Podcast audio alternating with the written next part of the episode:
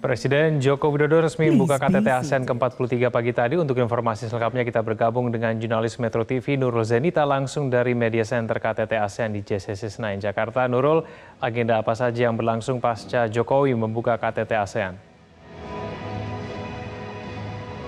Egan dan juga pemirsa, nanti rencananya pada pukul setengah dua siang, eh, para pemimpin ASEAN akan kembali berkumpul pada eh, ASEAN Indo-Pacific Forum di Hotel Sultan Jakarta.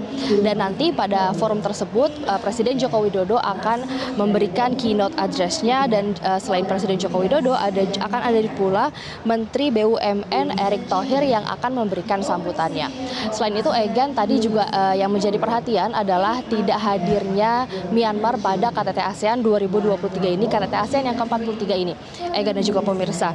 Namun tadi pada saat staf uh, Kepala Staf Kepresidenan Muldoko ini menghampiri media center uh, di JCC Senayan, uh, ia mengatakan tidak hadirnya Myanmar ke KTT ASEAN ke-43 ini tidak akan mengganggu jalannya uh, KTT ASEAN ke-43.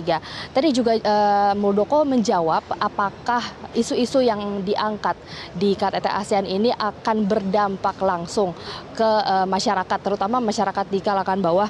Dan Muldoko ini menjawab uh, memang kalau kesepakatan ini uh, nantinya tentu akan dirasakan langsung kepada masyarakat baik baik itu dari masyarakat lapisan mana pun. Dan selain itu Muldoko juga mengatakan kalau punya kesepakatan untuk menjadikan ASEAN sebagai pusat pertumbuhan. Egan. Baik, terima kasih atas informasinya Nurul Zenita langsung dari JCC Senayan. Jelajahi cara baru mendapatkan informasi. Download Metro TV Extend sekarang.